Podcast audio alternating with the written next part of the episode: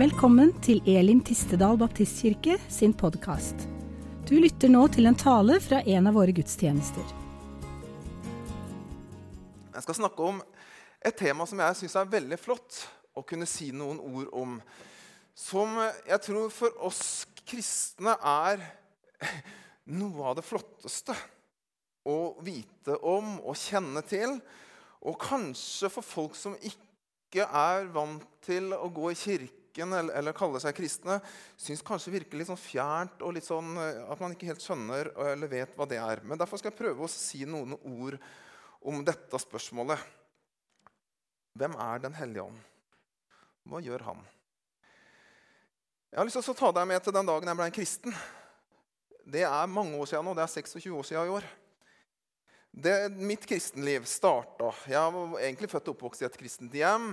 Men, men, jeg var på en måte en av alle de som, som er det. Men etter hvert som livet skrives fram, så man, får man en større og større avstand til kirken, og så forsvinner man ut. Og Sånn var mitt liv, var jeg også på mange måter. Men så var jeg på et møte med mine venner. Jeg hadde ingen tanker om hva dette møtet skulle inneholde. Men i dette møtet så rørte Gud ved meg. Det er den enkleste måten jeg kan forklare det på. På en sånn måte at, at, at jeg skjønte at Gud var her og ønska noe med mitt liv. Altså, dette høres litt spesielt ut, vil du kanskje til og med synes. Det kom så kraftig, dette, dette her som berørte meg at kroppen min rett og slett begynte å riste. Og Jeg husker jeg satt på andre benk, og en kamerat som het Bård, han satt bak meg. Han begynte jo å le og syntes dette var litt rart. Hva er det Agnar opplever nå? Og så kjente jeg i hjertet mitt et, et stort kall etter å, etter, å, etter å, gi mitt liv til Jesus, etter å ta imot han og bli kristen. Og Det var på mange måter noe som jeg hadde prøvd og liksom hadde tenkt på gjennom livet mitt tidligere også, men jeg, men jeg følte på mange måter at jeg ikke fikk det til og hadde på en måte slått det fra meg. Men så kom altså dette møtet med dette her utafor meg sjøl, denne kraften. Dette her som jeg, jeg hadde i hvert fall aldri opplevd det på denne måten før. Og så endte det med at jeg tok imot Jesus og ble en kristen. Eh, og så fikk jeg dette møtet. Jeg, jeg, det er litt vanskelig å skulle forklare, til og med. Et møte med Den hellige ånd. Og der starta mitt kristenliv. Da var jeg egentlig på vei til å bli elektronikkingeniør. Det var liksom det som var planen min. Jeg gikk eh, på studie i Porsgrunn. Tenkte å få meg et eh, vanlig liv på alle mulige måter. Eh, men så står jeg her i dag, og så har livet mitt blitt helt annerledes. Og så kan du liksom lure på hva skjedde. Ja, det var det som skjedde. Det var den kvelden. Det var møtet med denne kraften. Så Det var liksom ikke bare noe overfladisk, noe, en, slags følelse der og da.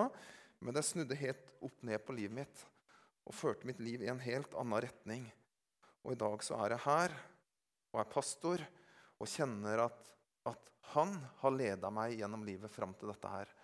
Han, Den hellige ånd. Men hvem er han? Jeg har lyst til å ta deg med til en bibeltekst som vi hørte Helen sitere, faktisk, eller fortelle litt ifra. Den har jeg tenkt å stoppe ved i dag. Og det er historien om når Jesus blir døpt. For det er en spesiell historie av litt ulike grunner. Og Jeg har lyst til å starte med den eh, og lese den først. Og Der står det sånn i Jesu, i Jesu navn. Da Jesus var blitt døpt, steg han straks opp av vannet, og se, himmelen åpna seg. Og han så Guds ånd komme ned over seg som en due. Og det lød en røst fra himmelen. Dette er min sønn, den elskede. I ham har jeg min glede. Det står i Matteus kapittel 3. Det ser du. Det betyr altså at i dette evangeliet så er dette ganske tidlig historie. Det er sånn at før, før, vi kommer til denne historien, så har Jesus blitt født. Vi kan lese juleevangeliet i Matteus også. Det er på mange måter det som har skjedd fram til da. Så får vi ikke vite så mye om Jesus fra han var barn og til han blir voksen. Det er bare noen småhistorier. Og så dukker Jesus opp igjen, og så er resten av evangelien handler om, liksom, handler om fra dette tidspunktet av og fram til han dør og han står opp. Og altså Noe av det første som skjer da, når, når vi oppdager Jesus igjen, eller når Jesus igjen kommer fram i Bibelen, det er at han blir døpt. Han går til en som heter døperen Johannes. Og så ber han om å, få, å, å, å bli døpt. Og Johannes vil jo ikke det, for han, han skjønner hvem Jesus er. Men Jesus sier at han vil det, og så lar Johannes det skje. Og mens det skjer, så kommer Den hellige ånd over Jesus i form av en due. Det er derfor dette duebildet er der. Eller hvis du har registrert det tidligere at Den hellige ånd ofte blir forbundet med duer, så har det med denne historien å gjøre. Og i tillegg, når dette skjer, så hører de en røst fra himmelen, altså en som snakker. Og han sier, 'Dette er min sønn.' Og vi skjønner at han som snakker, det er Gud, vår far. Og så har du kanskje hørt dette begrepet treenighet, altså om den treenige Gud. Eh, og noen vil si at, eh, noen, eh, vil si at det er vanskelig å forstå. Altså, eller hvor kommer det fra? Forståelsen av en treenig Gud. Og faktisk så er dette en av tekstene våre eller i Bibelen som viser oss den treenige Gud, altså Gud som er én, men allikevel tre. Altså Det er et mysterium, vanskelig å forstå. Men her ser du alle de tre personene i Gud sammen. I samme historie. Jesus blir døpt. Den hellige ånd kommer over Jesus. Og Gud sjøl, Gud far, vår far, han taler ifra himmelen og sier, 'Dette er min sønn, den elskede'. Det er jo sånn at disse tre personene i Gud, for å, det, for å si det på den måten, de, de, tre ulike personene som allikevel er én, de har litt ulike roller, litt ulike oppgaver. Når vi snakker om Gud, vår far, så er det skaperen, han som er vår far. Jesus. Han er vår frelser. Det er han som dør på korset, og som blir lagt i graven og står opp ifra graven etter tre dager. Og så er det Den hellige ånd. Hva er han? Jo, han er Gud. Han blir kalt for livgiveren. For å si det på en måte han er Gud hos oss. Og Jeg skal, skal for, for, det første se et sånt fint bilde. Jeg synes dette er et flott bilde av denne, denne begivenheten. Den treenige Gud. Men jeg har lyst til å ta deg med til en annen bibeltekst. For det er sånn at Når Jesus nærmer seg at han vet at nå skal han dø For det, det har Jesus skjønt og forstått, at han skal dø, gi sitt liv for oss. Når det nærmer seg, så er Jesus opptatt av én ting. Og det er å undervise eller lære sine disipler om noe. Og faktisk Noe av det han er mest opptatt av at de skal lære om, det er om Den hellige ånd. Om hvem han er, og hva han skal gjøre. Så han underviser disiplene om dette her. Og Jeg skal ta deg med til en liten tekst. Litt av hva Jesus underviser. Og Det finner du i Johannes kapittel 16 og vers 7. Og Der sier Jesus det sånn. Men jeg sier dere sannheten, sier Jesus. Han veit at han snart skal dø. Han veit at døden og graven den venter han. Ikke bare det, han veit også at han skal stå opp fra graven, at han snart skal dra opp til himmelen, til Gud, til sin far. Men så sier han noe veldig rart. Det er det beste for dere at jeg går bort, sier Jesus. For dersom jeg ikke går bort, kommer ikke talsmannen til dere. Men går jeg bort, kan jeg sende ham til dere. Altså Jesus sier at det er bra at jeg nå går bort, ikke bare at han dør. for Han, han snakker egentlig forbi det. For han veit at etter at det har skjedd, så skal jeg opp til Gud igjen. For han er jo, han er jo et menneske. Han er jo også blitt et menneske. 100% Gud og 100% menneske. Og han er begrensa av en kropp. Det betydde at de den gangen som fikk møte Jesus, det var de som var akkurat på det stedet der denne kroppen var. Men så sier han at når jeg går bort, da skal jeg sende ham til dere. Og Hvem er det han snakker om denne talsmannen? Jo, det er Den hellige ånd. Og så er det jo sånn at disiplene får lov til å oppleve dette her. At Den hellige ånd kommer til dem på samme måte som for 26 år siden at Den hellige ånd kom til meg. Og det dette verset forteller oss om, da, det forteller oss om at Den hellige ånd han er er litt sånn vanskelig ord, men han er allestedsnærværende. Han er alle steder på en gang, og det er helt umulig å liksom skulle forstå. Det, det, liksom sånn det høres jo bare helt speisa rart ut. Å ha en sånn tanke om at noe kan være alle steder på en gang. Men det som er så rart, da, det er at når jeg, når jeg, nå har jeg vært kristen i en del år, jeg har fått lov til å være litt på reise i ulike land og verdensdeler. Eh, og jeg har fått lov til å møte kristne fra ulike land og verdensdeler. Det første jeg gjorde når jeg var kristen, det var at jeg begynte å lese en del bøker. Og så husker Jeg ble litt opptatt av en forfatter som jeg likte veldig godt. Han heter John Wimber. Han er død nå. Han var pastor sånn som meg. Han, skriver, for han skrev noe om Den hellige ånd. Jeg var litt opptatt av å lære liksom mer om dette som hadde berørt meg. Og når jeg leser hans bok, så leser jeg min egen fortelling. Altså, han skriver akkurat om denne samme kraften som jeg hadde opplevd. Den hadde han opplevd av 40 år i forkant. Og så kan jeg møte kristne i dag fra alle verdens hjørner. Og når vi begynner å snakke sammen og dele vår tro Hva snakker vi om? Vi har hatt akkurat de samme erfaringene av Gud. Selv om vi har vært på helt forskjellige steder av jordkloden. Hva er det? Jo, det er Den hellige ånd. Det er Gud som er hos oss. Han som er alle steder på en gang.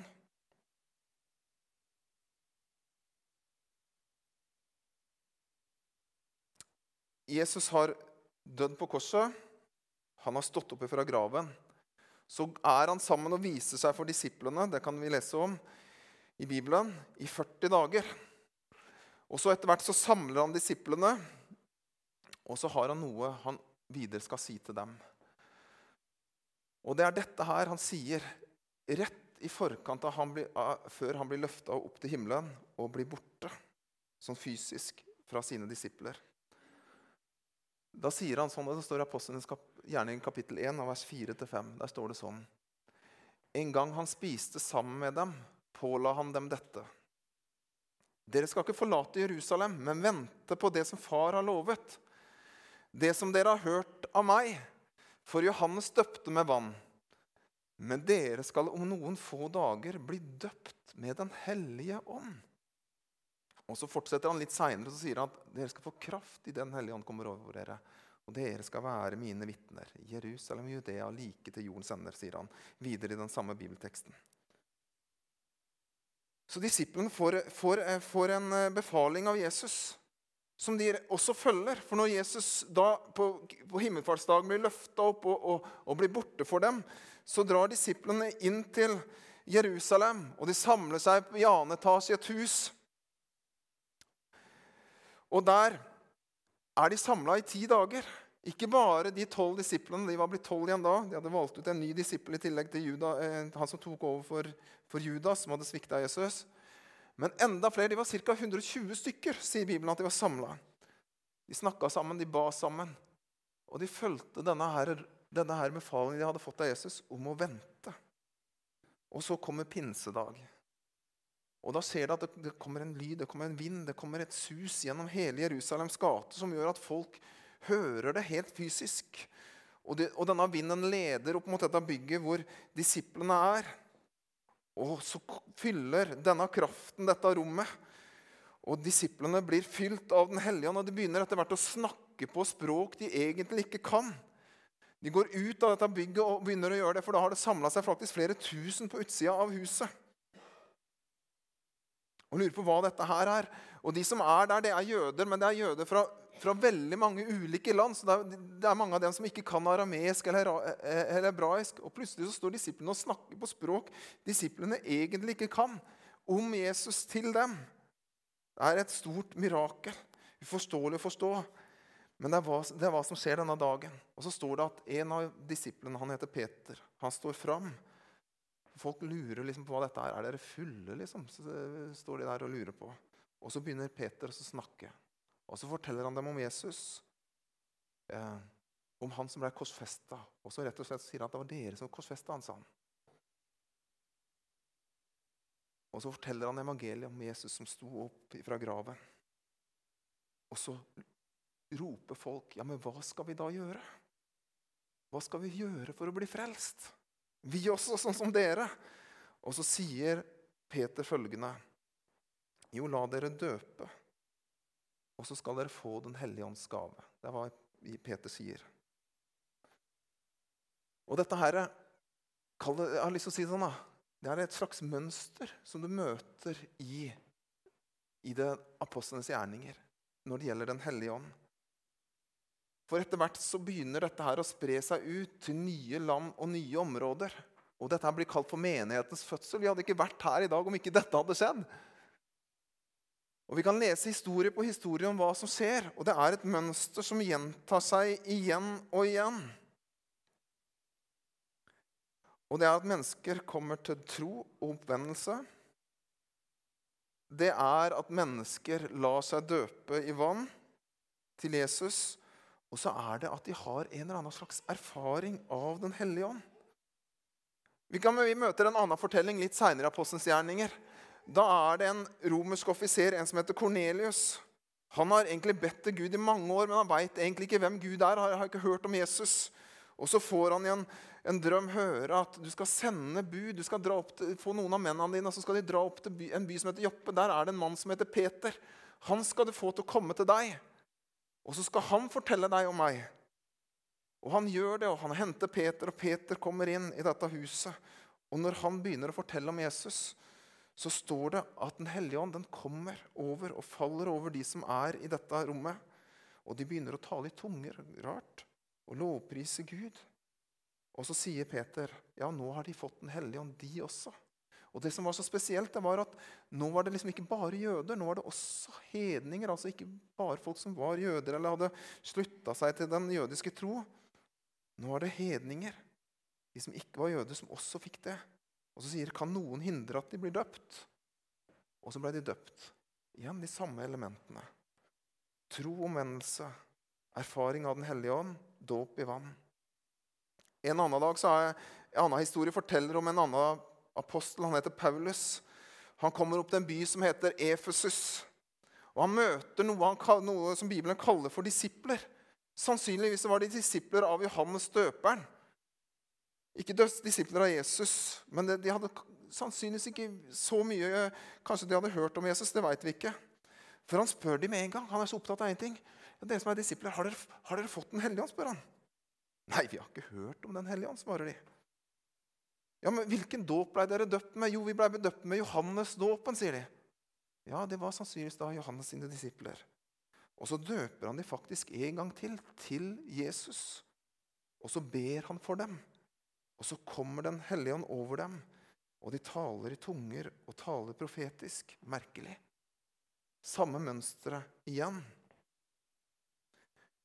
Men ikke, i samme rekkefølge. Vet ikke om du la merke til det. Et sted så, så kom Den hellige ånd, og så ble de døpt. Andre steder så ble de døpt, og så kom Den hellige ånd med, med sitt nærvær på en spesiell måte.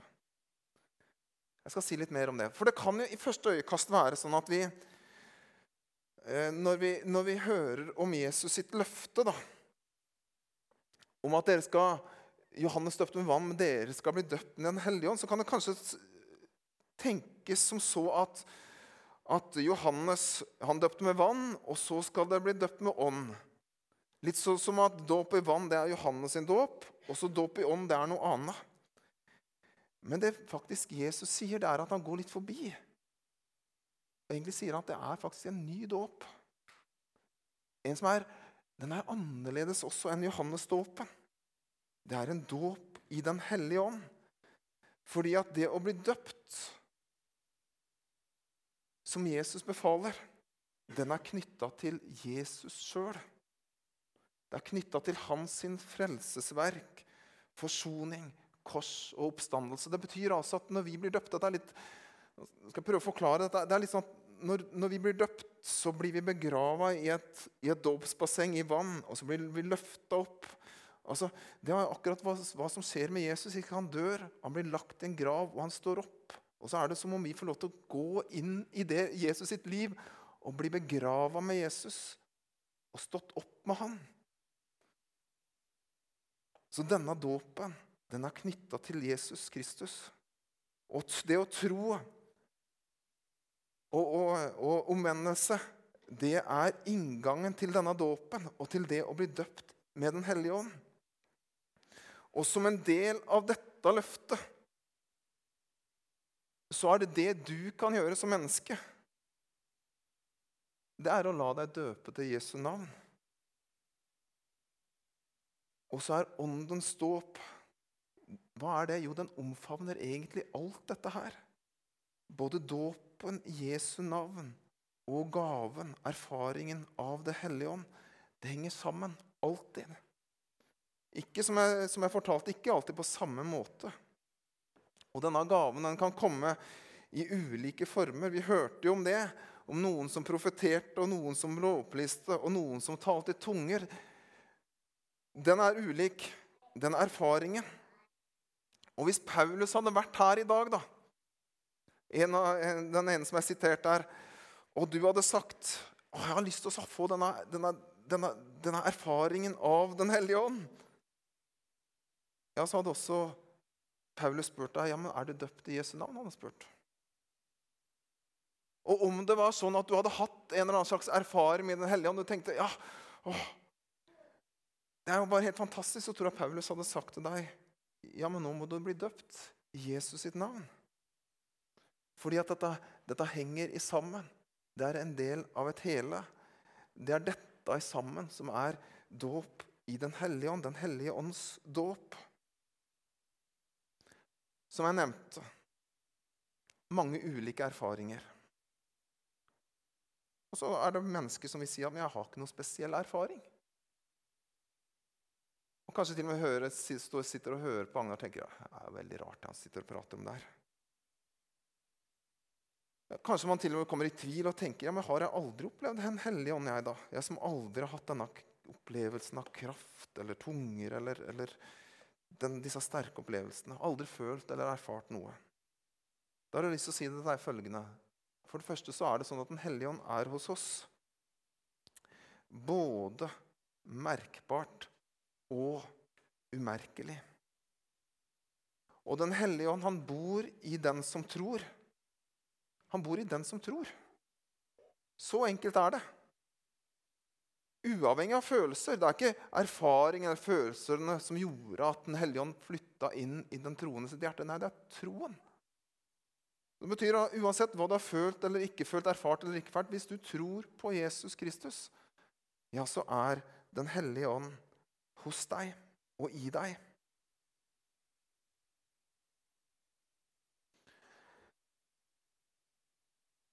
Og Samtidig så har jeg tenker jeg sånn Om det er sånn at du i ditt kristne liv aldri har erfart disse følelsene av opplevelsene av nærværet av Den hellige ånd i ditt liv, så jeg, tenker jeg tre ting om det. Og Det første var det jeg presiserte nå, nemlig at Den hellige ånd han bor i deg som tror, fordi at du tror. Det er nummer én. For det, det slår Bibelen fast igjen og igjen. Det andre jeg har lyst til å si til deg, da, det er at kanskje det er sånn at du har opplevd Den hellige ånds nærvær, for å kalle det det, i livet ditt uten at du var helt bevisst at det var det som det var. For det er faktisk sånn at om du tror, så veit jeg helt sikkert at Den hellige ånd har berørt livet ditt. For vi som mennesker klarer ikke å tro uten at Den hellige ånd har skapt troen i oss. Så bare det viser at Den hellige ånd har vært i livet ditt. Og så kan det godt hende at du opp igjennom har opplevd eller erfart noe som du egentlig ikke visste hva var. Kanskje var det sånn en gang at noe minte deg om noe. Eller at du fikk noen tanker, noen gode tanker, noen oppmuntrende tanker et eller annet i livet ditt som du kom utenfra deg sjøl. Ja, mon tro om ikke det var Den hellige ånd som talte inn i ditt liv. Og det siste jeg har lyst til å si i forhold til det, og Det har jeg egentlig lyst til å si til oss alle sammen, og jeg har lyst til å si det til meg sjøl. Det finnes mer for deg. Det finnes mer for deg. Det at du ikke har erfart eller opplevd noe fram til nå, det betyr jo ikke at sånn vil livet være for alltid. Jeg har møtt noen som har tenkt sånn over livet sitt at jeg kommer aldri til å finne noen. Jeg har aldri noen for meg. Nå har jeg blitt nå blitt 2 og 23. Ikke sant? Og så kom den ene, og så var livet helt forandra. Sånn er det også i dette tilfellet. Du har erfart det du har gjort fram til nå. og så tenker at Gud han har spennende ting for deg, hvis du ønsker å tro på han og følge han framover i livet ditt. Han har skatter gjemt på lønnlige steder, står det i Det gamle testamentet. Fantastisk låt. Og jeg tror han har det for deg, og jeg tror han har det for meg. Så det fins mer av han å erfare og oppleve i livet vårt. Fordi jeg har lyst til å si det sånn at det å samtidig erfare Den hellige ånd Det har vært løgn av meg å sagt at nei, disse, den, disse, erfaringene og følelsene det betyr ingenting. Ja, Men jeg sa jo, starta med å si at hvis ikke det hadde skjedd den dagen, så hadde jeg sannsynlig vært elek elektronikkingeniør i dag. Ikke sant? Det forandra livet mitt. Den styrka troen min. Den gjorde at Veit du hva? Det er sånn iblant at jeg prøver å tenke på himmelen, og jeg syns det er helt umulig å forstå. Og så bare tenker jeg tilbake. Ja, men hva var det jeg møtte? Jo, det var Gud. Jeg har møtt han. Så jeg, det gjør at jeg, ja, da tror jeg på det jeg ikke forstår. For jeg har møtt han. Den styrker troen min, og den gjør troen levende.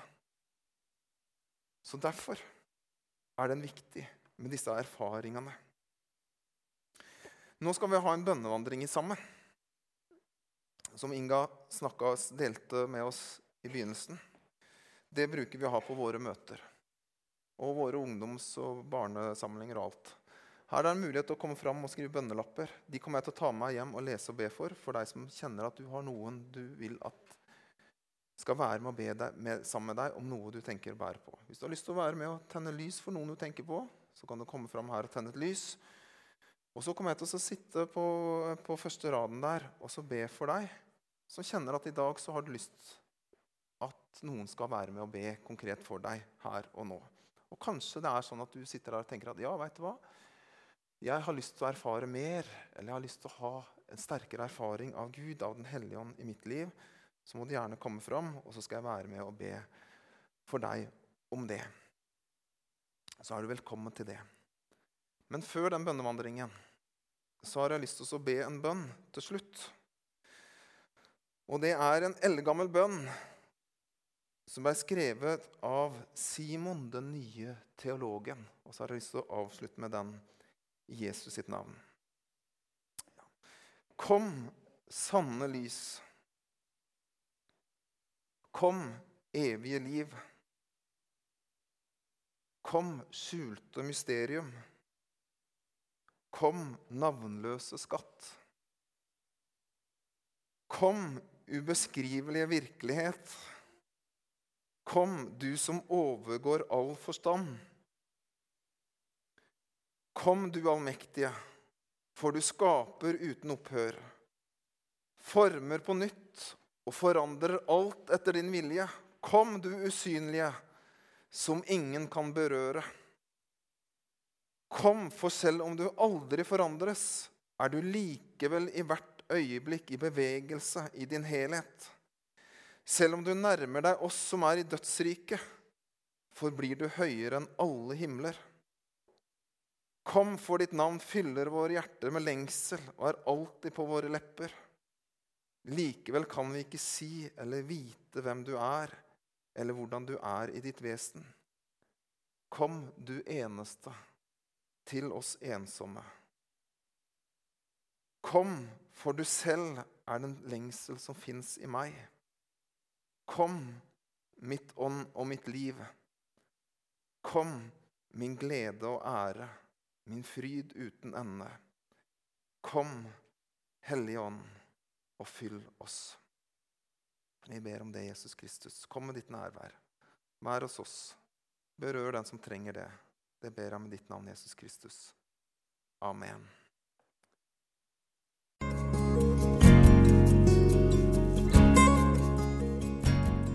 Takk for at du lyttet til denne talen. Håper du ble inspirert. Ønsker du å vite mer om hvem vi er og hva vi gjør? Sjekk ut vår hjemmeside elimtistedal.no.